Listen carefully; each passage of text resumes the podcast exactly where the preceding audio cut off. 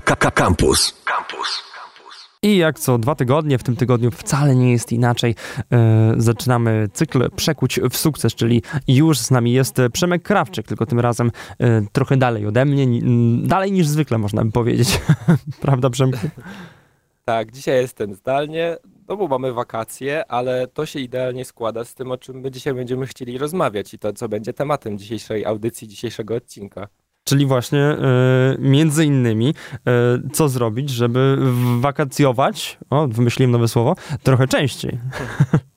Tak, no bo dzisiaj chcielibyśmy sobie porozmawiać o tym, e, w jaki sposób dojść do takiego stanu, kiedy my, czyli właściciele jakiejś firmy, jakiegoś przedsiębiorstwa albo startupu, możemy nie pracować i kiedy my możemy sobie odpoczywać, możemy o takiej firmie nie myśleć albo myśleć w jakichś takich kategoriach opracowywania nowych rzeczy i nowych pomysłów, ale nie musimy się na co dzień tą firmą zajmować i możemy y, spokojnie spędzać sobie swój wolny czas i nie być przez 24 godziny obecnym w biurze i żeby nie pilnować wszystkiego dosłownie, co się dzieje dookoła. Czyli taki już bardzo zaawansowany stopień, e, stopień rozwinięcia firmy, mógłbym rzec, e, czyli zatrudnienie sobie prezesa, który będzie po prostu robił naszą robotę, krótko mówiąc.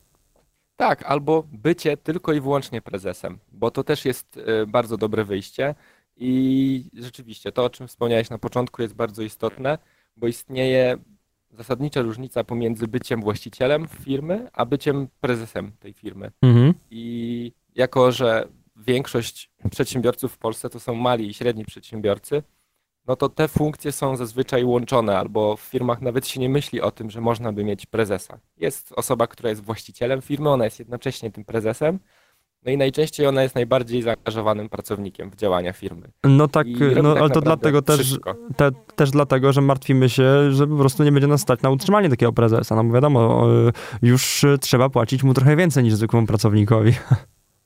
Tak, natomiast mm, zauważmy, że w tych dużych firmach i rzeczywiście jakby zajmie nam trochę czasu, żeby osiągnąć taką strukturę, jak, jaką one mają, ale zobaczmy, w jaki sposób to funkcjonuje. Zazwyczaj te, te funkcje są rozdzielone i prezesem jest zupełnie kto, kto inny e, niż osoba, która jest właścicielem, ale nawet jeżeli e, nie chcemy mieć prezesa, my chcemy być prezesem naszej spółce, naszej firmie, naszym startupie i to jest jak najbardziej w porządku, to musimy się zastanowić, co tak naprawdę należy do zadań i obowiązków takiego prezesa. I jak to się odbywa w dużych firmach. No jakby prawda jest taka, czy odpowiedź na to pytanie jest taka, że prezes robi to, co jest nie do zlecenia innym i co jest nie do zastąpienia przez innych e, pracowników.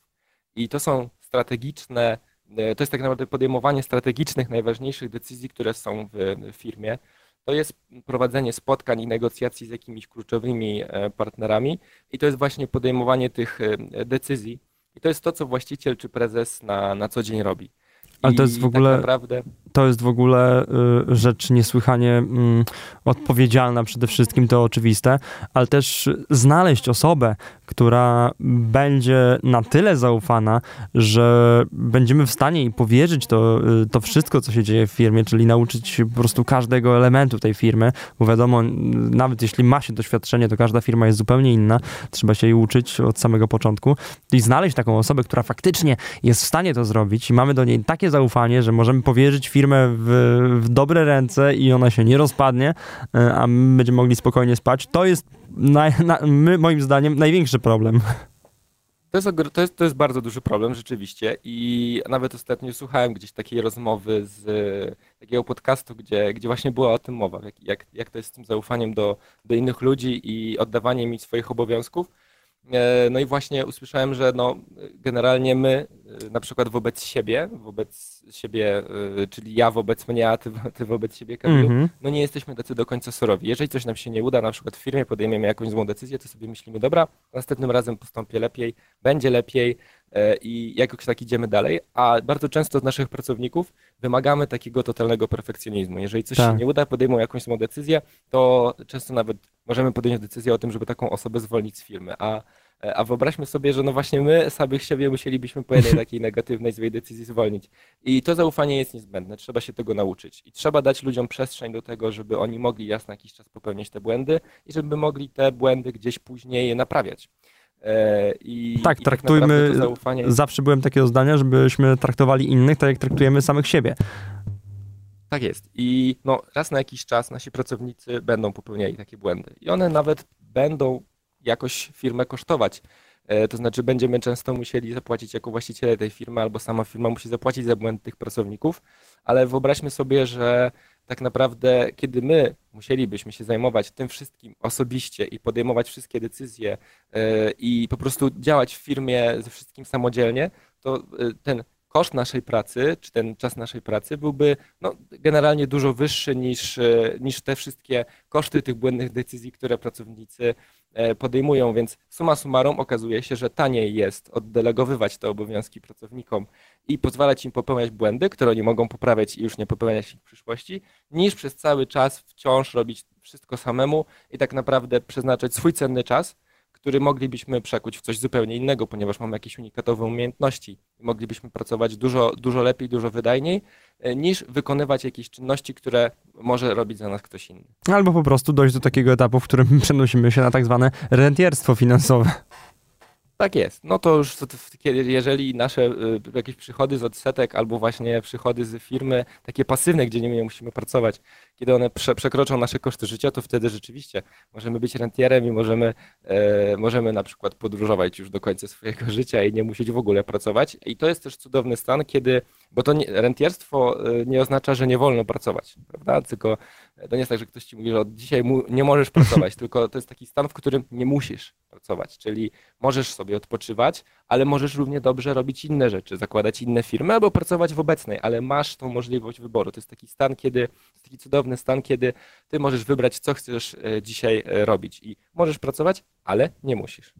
Przede wszystkim trzeba dojść do takiego etapu, w którym po prostu nasz czas będzie więcej warty w innym zakresie.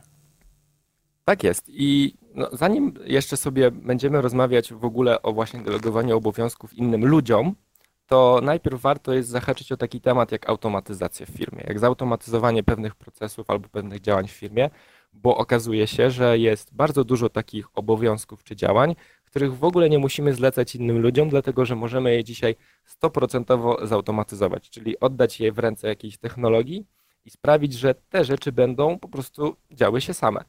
E, I no, takim modelowym przykładem automatyzacji dzisiaj może być nasza księgowość.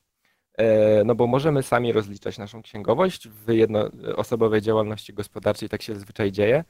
Możemy również mieć biuro księgowe, możemy też mieć osobę, która u nas w firmie rozlicza podatki, ale możemy też spróbować taki proces zautomatyzować, czyli skorzystać z e, jakich rozwiązań internetowych, chmurowych, takiego, takiej księgowości w chmurze, gdzie tak naprawdę naszym e, jedynym, co my musimy zrobić, jest wprowadzać tam te faktury, ale dzisiaj też są rozwiązania, które są w ogóle sprzężone z naszymi e, kontami bankowymi, więc sobie jakby zaciągają te dane bezpośrednio gdzieś z systemu bankowego i tak naprawdę e, tą księgowość mamy rozliczoną automatycznie. Nawet przelewy wtedy już do Urzędu Skarbowego czy do ZUS-u też mogą odbywać się automatycznie, bo możemy je zlecić właśnie z poziomu takiego oprogramowania albo z poziomu naszej aplikacji systemu bankowego, gdzie możemy przecież ustawić sobie zlecenia stałe.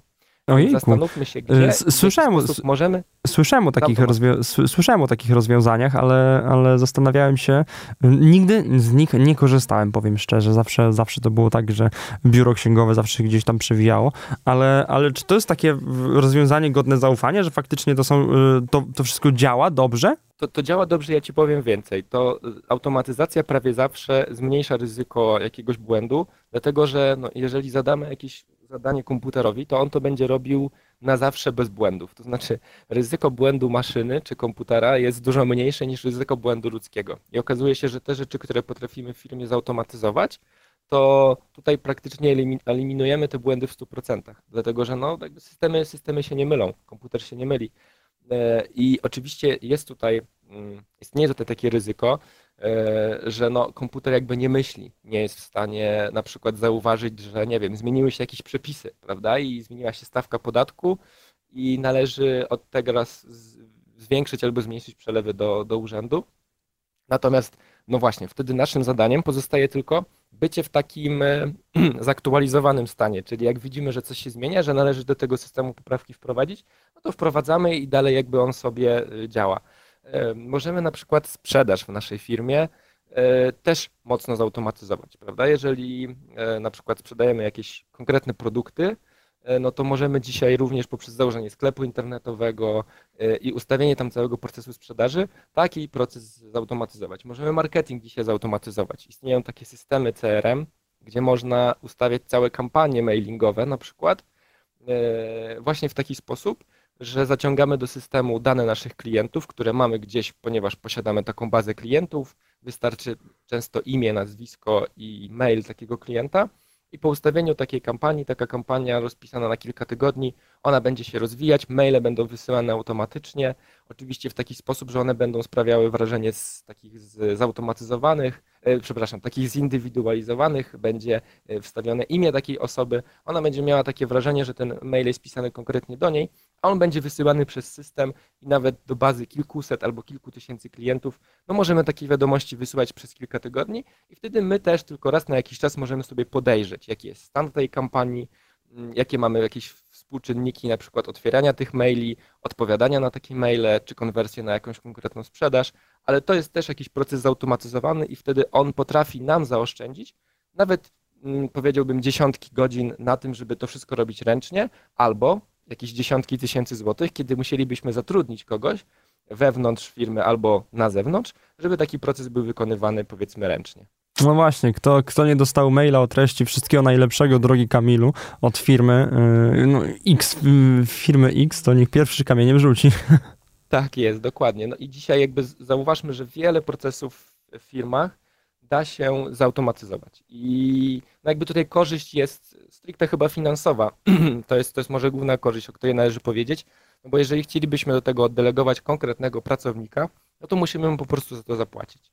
A no jakby wiemy, że koszty, jakby koszt wynagrodzenia pracownika, który on dostaje y, na, na konto, to jest to tak zwane netto. Natomiast no przy tej umowie o pracę na przykład musimy jeszcze kolejne 40% doliczyć, e, żeby móc e, opłacić wszystkie zobowiązania skarbowe. No i to, to wynagrodzenie okazuje się, że jest na bardzo wysokim często poziomie, a żeby zatrudnić do tego wystarczy jakaś miesięczna subskrypcja, która może być zdecydowanie, zdecydowanie tańsza. No tak. No właśnie, czyli delega, delegacja, y, delegacja na zewnątrz, czyli outsourcing, tak ładnie się to nazywa w języku angielskim. Ładnie nie wiem, ale, ale na pewno mm, nazwa tak, jest dobra. Outsourcowanie. Outsourcowanie, no właśnie, ale, ale właśnie na tym to wszystko polega, że w końcu musimy też delegować, y, delegować nasze zadania również y, bezpośrednio w firmie. Tak jest. No i jakby tutaj właśnie istnieją dwa poziomy delegowania zadań, czy właśnie delegowania obowiązków i to jest to, o czym ty wspomniałeś, czyli można spróbować delegować coś na zewnątrz, czyli zlecić to zupełnie innej firmie, innej osobie, która nie jest u nas bezpośrednio zatrudniona, albo można to zlecić wewnątrz firmy, czyli jakimś naszym pracownikom można zlecać obowiązki, albo można ludzi po prostu zatrudniać, żeby wykonywali w firmie jakieś konkretne, e, konkretne rzeczy. Najpierw sobie odpowiedzmy na takie pytanie, e, co w ogóle powinniśmy outsourcować w naszej firmie. I odpowiedź jest bardzo prosta i ona się odnosi do tego, o czym, o czym mówiliśmy na samym początku naszej audycji, czyli wszystko, do czego ty, właścicielu albo prezesie, nie wnosisz realnej wartości, to powinieneś zaoutsourcować albo wydelegować właśnie. I e, tutaj zaczyna się taki najwyższy poziom zarządzania firmą. Rozpisujemy sobie wszystkie zadania, obowiązki, którymi my, jako taki właściciel firmy, się na co dzień e, zajmujemy. I ta lista będzie naprawdę długa, bo pewnie zajmujemy się kilkudziesięcioma rzeczami naraz. I zastanawiamy się i lecimy po kolei z tą listą, które obowiązki, znaczy jakby do których obowiązków ja jako właściciel wnoszę realną wartość. Czyli kiedy robię to ja, to jest to zrobione lepiej, inaczej, z jakiegoś powodu, niż kiedy robiłby to ktoś inny. Jeżeli się okaże, że jakieś zadanie może zrobić ktoś inny i zrobi to dokładnie tak samo jak ja, bo ja nie wnoszę do niego tej żadnej realnej dodanej wartości, to każdą z tych rzeczy powinienem prędzej czy później, a najlepiej prędzej, właśnie wydelegować. I wtedy z tej bardzo długiej listy naszych obowiązków, którymi się zajmujemy na co dzień, prawdopodobnie zostanie tylko kilka, może kilkanaście takich zadań, które warto, żebyśmy robili my. I my tym się powinniśmy zajmować na co dzień. Natomiast wszystkie te inne procesy, zadania powinniśmy outsourcować właśnie albo na zewnątrz, albo w obrębie naszej firmy, no bo to też zależy od tego, jakiej wielkości jest nasza firma, czym się ona zajmuje. E, no i zobaczmy, jak sobie możemy spojrzeć na taki przykład e, naszego podcastu, prawda? No my to mhm. realizujemy w ramach, w ramach współpracy czy pracy w Radio Campus, więc tutaj jest trochę inny przypadek, ale gdybyśmy ten podcast realizowali jakoś tak komercyjnie, to by było nasze zajęcie, to by była nasza firma i zarabialibyśmy na tym dużo pieniędzy, to moglibyśmy się zastanowić na przykład, czy proces montażu takiego odcinka, czy ja albo ty montując taki odcinek, wnosimy do niego jakąś realną e, wartość. Mm -hmm. jeżeli się okaże, że ty montujesz to w taki sposób, że jest to jakoś niesamowicie fajnie e, poprzetykane jakimiś, e, jakimiś takimi momentami właśnie muzyczno-dżinglowymi e, i, i że ten podcast dzięki temu jest inny niż wszystkie i to jest jego wartość dodana, to okay, to powinieneś to robić dalej. Natomiast jeżeli to jest po prostu zwykły montaż, który jest w stanie zrobić ktoś inny, to wtedy jak najszybciej powinniśmy taki montaż po prostu zlecić. Ale z drugiej strony sam proces przygotowywania się do tego odcinka, prawda? Czyli wymyślania sobie tematu, zrobienia takiego researchu, czy po prostu pojawienia się na, na łączach i, i po prostu rozmawiania, opowiadania, no to fajnie, żebyśmy robili to my, dlatego że no powiedzmy, że mamy jakieś takie unikatowe umiejętności, ktoś inny zrobiłby to inaczej, czy lepiej, to, to, to nie no, wiem. No poza tym byśmy się nie połapali w, w, tym, co robić za bardzo. Tak, tak, natomiast no właśnie, jakby proces montażu, może jakiś tam proces właśnie też promocji takiego odcinka, no wstawienie na przykład go do social mediów, prawda, i zalinkowanie na Facebooku, na Instagramie albo na LinkedInie, to może zrobić tak naprawdę każdy i też wtedy taki proces warto jest po prostu outsourcować. E, przykład Michała Szafrańskiego. To jest człowiek, który na swoim blogu, na swojej książce, na swoim podcaście no, zarobił już kilkanaście milionów złotych. To jest osoba, która e, ma jakby cały czas działa sam, to znaczy w firmie nie zatrudnia nikogo na stałe, to jest jego E, taka jakby strategia, że nie ma pracowników zatrudnionych na etat, natomiast ma kilkunastu współpracowników, którym zleca, outsourcuje właśnie różne zadania. Jeżeli nagrywa podcast, to on przygotowuje się do niego, fizycznie go nagrywa, rozmawia z gościem, ale od tego momentu montaż takiego podcastu, transkrypt, czyli przepisanie całego dwugodzinnego na przykład wywiadu gdzieś do PDF-a, żeby on był dostępny do przeczytania, później proces promowania tego E, tego podcastu, zamieszczania go gdzieś na platformie, to wszystko już on ma zautomatyzowane i dzięki temu on wykonuje tylko te obowiązki, które musi zrobić osobiście. No przecież y, przy takim natłoku mediów społecznościowych, w jakim, w jakim on się obraca, to my, my myślę, że nawet jedna osoba nie jest w stanie tego opanować. No i teraz możemy się zastanawiać, jakby w jaki sposób y, wybrać takich odpowiednich ludzi, którzy mogliby za nas jakieś konkretne zadania y, wykonywać. I myślę, że to akurat nie będzie jakieś super odkrywcze to, co powiem, chociaż może dla, dla niektórych tak, no że jakby patrzenie w samo CV dzisiaj nie ma już większego sensu. I no, ktoś może mieć te CV niesamowicie dobre, a okaże się, że do naszej firmy on konkretnie, przepraszam, kompletnie w ogóle nie pasuje i odwrotnie. Ktoś może być jakimś takim powiedzmy żółtodziobem, który nie ma jeszcze dużego doświadczenia zawodowego, ale może się okazać, że no, on jest niesamowicie zdolny i fajnie, żeby w naszej firmie pracował. Więc w jaki sposób sprawdzić, czy taka osoba się nadaje? Najprościej jest dać takiej osobie jakąś próbkę pracy, roboty do wykonania. Jeżeli chcemy, mm, potrzebujemy kogoś, kto będzie na przykład, no nie wiem, przy tych podcastach zajmował się tym montażem, prawda? No to nie ma nic prostszego, tylko dajemy mu jakiś jeden odcinek, nawet ten, który już kiedyś my zmontowaliśmy, wypuściliśmy, i prosimy go, żeby on w przeciągu powiedzmy 24-48 godzin wykonał dla nas taki montaż, żeby nam to odesłał, żebyśmy mogli sobie to odsłuchać. I wtedy na podstawie tej próbki pracy danej osoby jesteśmy w stanie bardzo szybko stwierdzić, czy on się nadaje, czy on się nie nadaje. Jeżeli to, co on zrobił jest w porządku, podoba nam się, jest to zrobione dobrze na takim poziomie, jakiego my oczekujemy, to wtedy śmiało możemy takiej osobie zaproponować współpracę. No właśnie najlepiej na takiej e, relacji pewnie B2B, czyli że ta osoba jest gdzieś samozatrudniona, ma swoją własną firmę, swoją własną spółkę albo działalność, a my jej tylko zlecamy, jest naszym podwykonawcą i rozliczamy się tak na przysłowiowo na, na fakturę.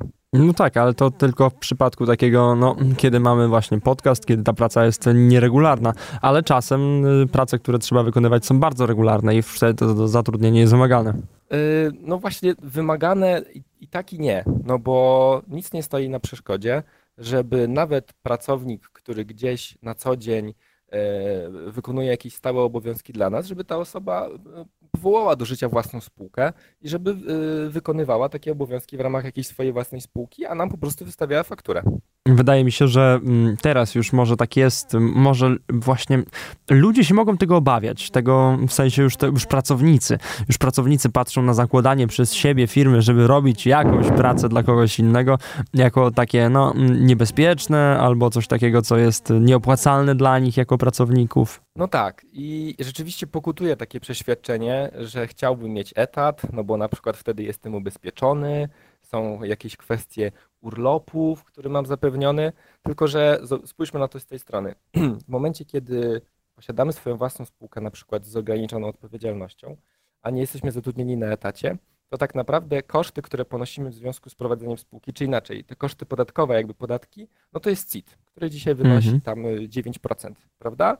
Więc zakładając, że nie wiem, e, przyjmijmy sobie wynagrodzenie 2000 zł przy e, umowie o pracę, musimy do tego doliczyć 40% kosztów, y, które są po stronie, jakby z jednej strony to są podatkowe koszty pracownika, po drugiej stronie pracodawcy, czyli 40% to jest 800 zł, czyli taka osoba powiedzmy 2800 zł tak naprawdę to jest jej wynagrodzenie brutto, z czego 2000 trafia na y, jej konto. Natomiast w momencie, kiedy ona prowadziłaby swoją własną spółkę, to płaci 9% CIT czyli z tych 2000 powiedzmy 10%, 9% przepraszam, to jest chyba 180 zł, jeżeli się nie mylę. Więc zobaczmy, mamy tutaj różnicę kilkuset złotych miesięcznie, tylko i wyłącznie na tym, że to jest jakby inna forma zatrudniania. I wtedy te pieniądze, które taka osoba y, mogłaby po prostu dostać więcej jako wynagrodzenie, to wtedy po pierwsze, że za takie wynagrodzenie dodatkowe mogłaby sobie wykupić na przykład prywatny pakiet jakiejś opieki medycznej, bo przecież można to zrobić komercyjnie, że Oczywiście. chcemy poprosić prywatną opiekę medyczną, żeby nas też objęła, czy nas, czy naszą rodzinę i wtedy my za to płacimy po prostu prywatnie. Po drugie, na przykład kwestie zabezpieczenia emerytalnego. Spójrzmy na to w ten sposób. Liczymy na to, że jak jesteśmy na umowie o pracę, to wtedy jak skończymy naszą pracę kiedyś mając 60 kilka lat, to ZUS będzie nam wypłacał emeryturę. Już dzisiaj ZUS prognozuje, że nasza emerytura będzie wynosiła około 1 trzeciej naszej ostatniej pensji. No, o ile, e, o ile do, do tego czasu ZUS będzie istniał. O ile ZUS będzie istniał, a ja jestem w stanie sobie uciąć mm. opuszek mojego palca i się założyć, e, że nie. Że jakby tak. ten, ten system jest tak nieefektywny, że kiedyś będziemy się musieli z nim pożegnać, z tego prostego powodu, że coraz więcej, e, znaczy jak mamy coraz bardziej starzejące się społeczeństwo, coraz mniej osób pracuje na emerytury, coraz większej liczby ludzi. Więc z drugiej strony pieniądze, które możemy zaoszczędzić prowadząc swoją własną spółkę, możemy co zrobić? Możemy sobie co miesiąc odkładać. Możemy to robić w bezpieczny sposób, y, jakieś produkty bankowe. Jeżeli jesteśmy w stanie zaryzykować więcej, to mogą być jakieś akcje albo inne inwestycje.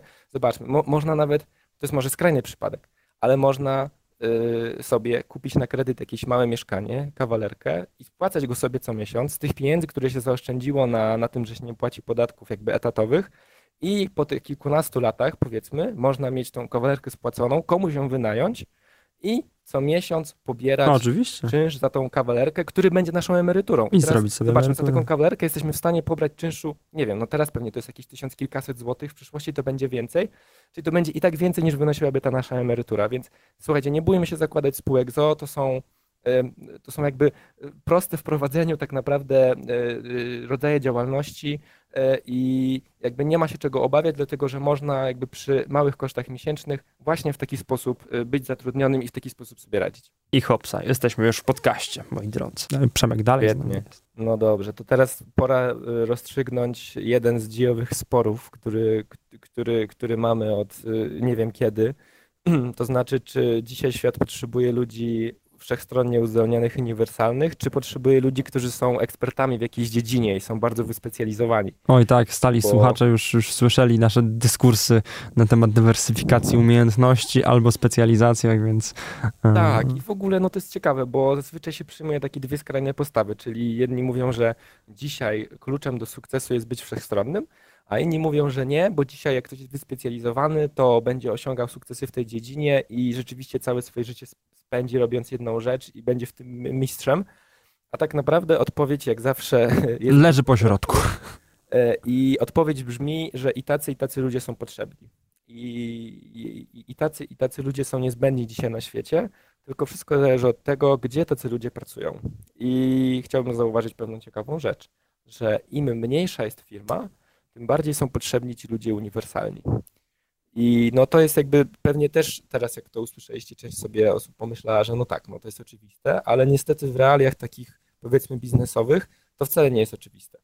Że w mniejszych firmach, w mniejszych przedsiębiorstwach potrzeba właśnie tych ludzi uniwersalnych i którzy będą, no taki klasyczny przykład, osoby, które w małych firmach sprzedają, one jednocześnie też tak naprawdę są odpowiedzialne za jakąś promocję i marketing. I odwrotnie, jeżeli ktoś zajmuje się promowaniem czegoś, na przykład obsługuje nasze social media i wstawia tam jakieś linki, gdzie po prostu promuje naszą firmę, to jednocześnie tak naprawdę ona stara się sprzedać, dlatego że no, promując stara się, stara się sprzedać i no tak naprawdę takich powiedzmy złotych rączek, ludzi renesansu w takich mniejszych firmach y, potrzeba. Natomiast sytuacja się odwraca, im większa jest firma i większe jest przedsiębiorstwo. Jeżeli firma jest duża, zatrudnia kilkanaście albo już na przykład kilkadziesiąt osób, chociaż to tak naprawdę też nie będzie jeszcze duże przedsiębiorstwo, ale no już powiedzmy, że to nie będzie mikro, mikrofirma, to wtedy zaczyna się, zaczynają się przydawać tacy ludzie, którzy są mocno wyspecjalizowani w swojej dziedzinie, bo wtedy zaczynają się w obrębie firmy gdzieś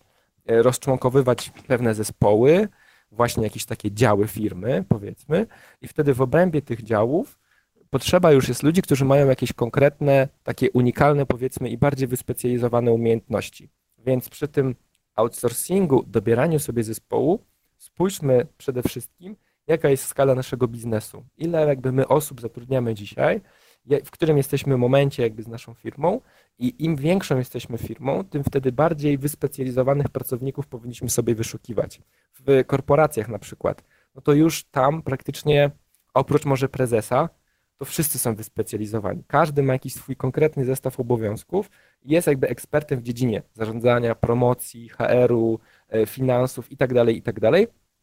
Ale w firmach, które są małe, to tak naprawdę każdy wtedy zajmuje się po trochu wszystkim. To znaczy jego obowiązki są uzależnione od tego, na przykład co jest na dziś do zrobienia, co, co dzisiaj się dzieje w firmie, co w tym tygodniu mamy na, ta, na tapecie i wtedy ci ludzie bardziej uniwersalni zdecydowanie lepiej się sprawdzą w naszym zespole. To ja jeszcze w takim razie, y, skoro jesteśmy w tym temacie, to jeszcze przestrzegę, y, że tak, że tak to ujmę, y, przed tym, żeby szczególnie na samym początku nie zatrudnić sobie takiej osoby, która będzie praktycznie, mm, której będziemy delegowali y, nasze zadania. Czyli ona nie będzie na to przygotowana, a my będziemy jej delegowali zadania i stanie się takimi drugimi nami. I stanie się taką prawą mhm. ręką prezesa, tak jakby, ale będziemy płacili jak normalnemu pracownikowi. Czyli tak jakby uzależnimy firmę od tej osoby. Żeby, no wiadomo, wtedy ona jest uniwersalna, ona jest od wszystkiego, ona po prostu robi to, co jej każemy i, yy, i tak, to, tak to po prostu idzie, tak to wygląda, ale w pewnym momencie staje się sytuacja, w której ona ma po prostu zbyt dużo obowiązków, my to nie będziemy kontrolować i ta osoba po prostu będzie żądała więcej albo po prostu odejdzie od nas, bo nie będzie miała przyszłości, albo będzie widziała, że firma, firma po prostu się nie rozwija w żadnym kierunku. Dlatego jeśli zatrudniamy osoby wszechstronne, to żeby od razu, od samego początku delegować im konkretne umiejętności, y, konkretne obowiązki, żeby wiedziała na co się pisze, wiedziała jakie obowiązki będzie mniej więcej robiła od tego, co się dzieje w firmie, a jakie jej nigdy nie przekażemy. Żebyśmy my też wiedzieli, że pewnych obowiązków nie możemy po prostu przekazać dalej, albo nie możemy prosić, żeby została dłużej w ten, ten dzień, no żeby to wszystko było spisane. Mm, y, nie wiem, czy już kiedyś y, wspominaliśmy o tym, ale cała ta sytuacja jest bardzo fajnie opisana w, w książce Gerbera Michaela, z tego co ja kojarzę. Mam nadzieję, że się nie pomyliłem pomyliłem. E, mit przedsiębiorczości. Bardzo serdecznie polecam. E, mhm, bardzo tak. fajnie e, opisuje również ten sam początek działalności, jak on powinien wyglądać i jak korzystać z ludzi właśnie, którzy są uniwersalni. Tak, i no tutaj też mm, ten, ten temat jakby ludzi niezastąpionych, no to też prawdą jest, że powinniśmy unikać posiadania ludzi niezastąpionych u nas w firmie, dlatego że ludzie niezastąpieni, jak sama nazwa wskazuje, nie da się albo bardzo trudno jest ich zastąpić. I w momencie, kiedy, tak jak powiedziałeś, taka osoba na przykład nas opuści, no bo będzie chciała zmienić pracodawcę, albo coś się wydarzy, na przykład będzie leżała w łóżku w domu, będzie chora i nie będzie mogła u nas pracować w firmie, to nasza firma w tym momencie stoi.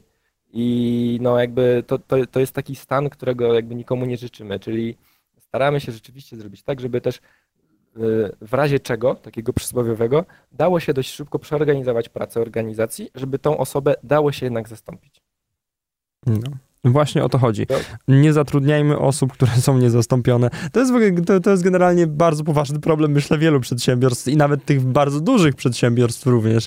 Przecież y, y, niektóre zadania, bardzo, niektórych zadań w firmie bardzo trudno jest kogokolwiek nauczyć i sam proces trwa wdrożeniowy, trwa bardzo długo w to wszystko. I tak naprawdę, jeśli taka osoba no, odejdzie, to jesteśmy w, w, w, mm, chciałbym brzydko powiedzieć, ale nie powiem, e, ale jesteśmy w trudnej sytuacji sytuacji. O właśnie, w trudnej sytuacji.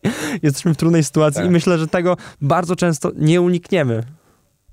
Tak, tak. No i tutaj świetnie jakby się mm, ten temat łączy z tym, co dalej chcieliśmy opowiedzieć, czyli o tym, żeby pracę ludzi odpowiednio doceniać, prawda? I tutaj y, jakby docenianie mentalne to, to jest jedna rzecz, którą powinniśmy robić. Powinniśmy często ludziom przypominać o no, tym, jak to się mówi, za, za, za, za dziękuję się nic nie kupuje ale właśnie, powinniśmy ludzi doceniać również finansowo. I no tutaj mm, musimy sobie zadać pytanie, czy w naszej firmie poszukujemy jakichś miłosiernych Samarytan, którzy będą dla nas coś robić za darmo albo za bardzo małe wynagrodzenie, czy potrzebujemy ludzi, którzy są dobrzy. Jeżeli potrzebujemy ludzi, którzy są dobrzy, a wierzę, że każdy takich ludzi potrzebuje siebie w firmie, to powinniśmy ich odpowiednio wynagradzać. I, I tutaj mam na myśli właśnie również poziom finansowy, e, ale też spróbujmy sobie wyobrazić taką sytuację. To jest coś, co jest niesamowicie popularne w Stanach Zjednoczonych, w Polsce i w Europie dużo, dużo mniej. Czyli e, e, płacenie ludziom w udziałach firmy. Czyli mamy przedsiębiorstwo, które na przykład jest spółką ZO i zatrudniamy kogoś, e, kto wykonuje, no, klasyczny przykład to są programiści, prawda? Oni wykonują pracę, która jest dzisiaj bardzo dobrze płatna. Często to są zarobki na poziomie właśnie kilkunastu, nawet tysięcy złotych no i my na przykład mając fajny pomysł biznesowy, na początku nie dysponujemy aż takimi środkami, żeby aż tyle pieniędzy takiej osobie zapłacić, ale potrzebujemy takiego eksperta. Więc wtedy, wiedząc, że ten pomysł jest perspektywiczny i że kiedyś może być ta firma warta naprawdę dużo pieniędzy, możemy powiedzieć, że no, możemy ci płacić X i to nie jest stawka zdecydowanie rynkowa i zdajemy sobie z tego sprawę, ale na samym początku dorzucimy do tego na przykład 5% udziałów. I to działa jakby to jest jakby fajny przypadek i dobry, dobry przykład z dwóch głównych powodów. Po pierwsze, że możemy na początku przyciągnąć do pracy osoby, które mają unikalne super umiejętności, e, nie mając jeszcze pieniędzy, żeby takim ludziom płacić, no bo oni mogą się zgodzić właśnie na te jakby udziały, udziały w firmie. A po drugie, te osoby wtedy będą dużo bardziej zmotywowane, żeby wykonywać dobrze swoją pracę dla nas. Dlatego, że sukces całej firmy jest uzależniony wtedy również od nich, ale to też bezpośrednio się przekłada na to, ile te udziały są warte. Prawda? I mhm. wtedy taka osoba myśląc sobie, że chci, no chciałbym, żeby te 5% było warte na przykład kiedyś, nie wiem, za 5 lat milion złotych, to będę jeszcze ciężej pracować, jeszcze bardziej się starać, żeby rzeczywiście do tego poziomu kiedyś dojść. No i jakby w takiej sytuacji to jest taki klasyczny win-win, czyli ta osoba, która obejmuje te jakby udziały w spółce, te kilka procent, ma szansę, żeby kiedyś te udziały były warte bardzo dużo, a ja jako właściciel no nadal będę miał te 95, 90, tak. 80 kilka procent, więc i tak jakby swoje zarobię. I to jest też często mentalny taki problem, że ktoś nie chce oddawać tych udziałów, bo sobie myśli, przecież to jest moja firma, ja ją założyłem, to dlaczego ktoś inny ma być właścicielem firmy, którą ja założyłem? No właśnie dlatego, że można dzięki temu zatrudnić super specjalistów, którzy nam pomogą odnieść sukces, a i tak my będziemy mieli, no słuchajcie, no wolę mieć 80% udziału w firmy, która jest warta kilkanaście milionów złotych, niż, niż mieć 100% udziału w firmie, która jest warta kilkadziesiąt tysięcy. Prawda? No, tak. płacenie udziałami, bardzo fajnie to jest pomysł i właśnie w amerykańskich spółkach, startupach, no w zasadzie to jest na początku dziennym, że na początku ludziom się proponuje właśnie kilka procent udziałów i oni wtedy podejmują takie ryzyko, że się zatrudniają w tym startupie i właśnie razem wszyscy pracują team i starają się, żeby odniósł sukces, no właśnie gdzieś na przykład w Polsce istnieje taka gdzieś tam mentalna bariera, że dlaczego mam oddawać komuś innemu udziały w mojej firmie. E, no i wtedy tkwimy często na takim poziomie, taki, taki, na takim powiedzmy średnim poziomie, gdzie, gdzie nie potrafimy się wybić wyżej i, i gdzieś osiągnąć sukcesu, który byłby rzeczywiście w naszym zasięgu. Dobra, Przemku, yy, powiedz mi, ja już powiedziałem swoją propozycję książki, może dawaj, ty, ty coś rzuć, yy, właśnie, która się obraca mniej więcej w tej tematyce. E, no, jeżeli chodzi o takie książki, no to super, ja mogę opowiedzieć o książce, którą właśnie teraz czytam e, i to jest w ogóle nadrabianie, bo tę książkę kiedyś przeczytałem, nie bardzo zapamiętałem cokolwiek z tej książki, więc ją czytam teraz drugi raz i to jest Siła nawyku. Charlesa Duhiga, mhm. e, czyli to jest książka o tym, w jaki sposób nawyki działają, zmieniają nasze życie i w ogóle rządzą naszym życiem. I to jest książka, która jest no, niesamowita na kilku poziomach, bo po pierwsze ona mówi o nawykach takich, które każdy ma, czyli nasze nawyki jakby indywidualne, jak je zmienić. Jeżeli ktoś z Was walczy z jakimś uzależnieniem, na przykład od papierosów, albo ma jakieś złe nawyki w stylu podjadamy gdzieś wieczorem, to ta książka pozwala nam zrozumieć, w jaki sposób te nawyki przekuć w e, inne. No bo jakby klub płynący z tej książki jest takie, że się nie da wyplenić czasami starych nawyków, że to jest po prostu niemożliwe, bo to jest na poziomie jakby naszego mózgu, ale da się zły nawyk zastąpić innym, lepszym nawykiem. I wtedy w taki sposób można się pozbyć tych złych, jakby generując te dobre. I dalej w kolejnych częściach tej książki opowiada e, autor o nawykach, które mają całe organizacje, całe społeczeństwa i na przykład podpowiada, w jaki sposób wyrobić dobre nawyki w e, swojej własnej firmie, o. żeby osiągnąć sukces. I to jest też na takim właśnie poziomie gdzieś organizacji, więc jak najbardziej tę książkę polecam. E, I, właśnie teraz dziś ją właśnie kończę, kończę po raz drugi i, i, i bardzo dużo jestem w stanie z niej wyciągnąć. I poleca i tłumaczył nam wszystko na temat, na temat e, właśnie outsourcingowania, e, bycia prezesem e, i, no i wszystkich tych firmowych spraw, jak wiecie. W Przekuć w sukces zawsze te tematy poruszamy. Przemek Krawczyk to był oczywiście. Tak, tak jest. Bardzo wam, bardzo wam dziękuję. Jeszcze jedna rzecz, jedno zdanie, bo zapomniałem o nim powiedzieć wcześniej. Słuchajcie, róbcie checklisty jak macie pracowników, to każdy pracownik powinien mieć swoje checklisty i w ten sposób jesteście pewni, że wykonuje swoje obowiązki, bo jak się ma checklistę, to nie ma opcji, że się o czymś zapomni, więc y, to też się wiąże z książką Siła Nawyku, więc y, mam nadzieję, mam nadzieję, że ten odcinek był dla Was ciekawy i słyszymy się za dwa tygodnie. Przemek Krawczyk, sprawdzajcie na Spotify. Super, dzięki papa. Dzięki wielkie. Słuchaj Radio Campus, gdziekolwiek jesteś. Wejdź na www.radiocampus.fm.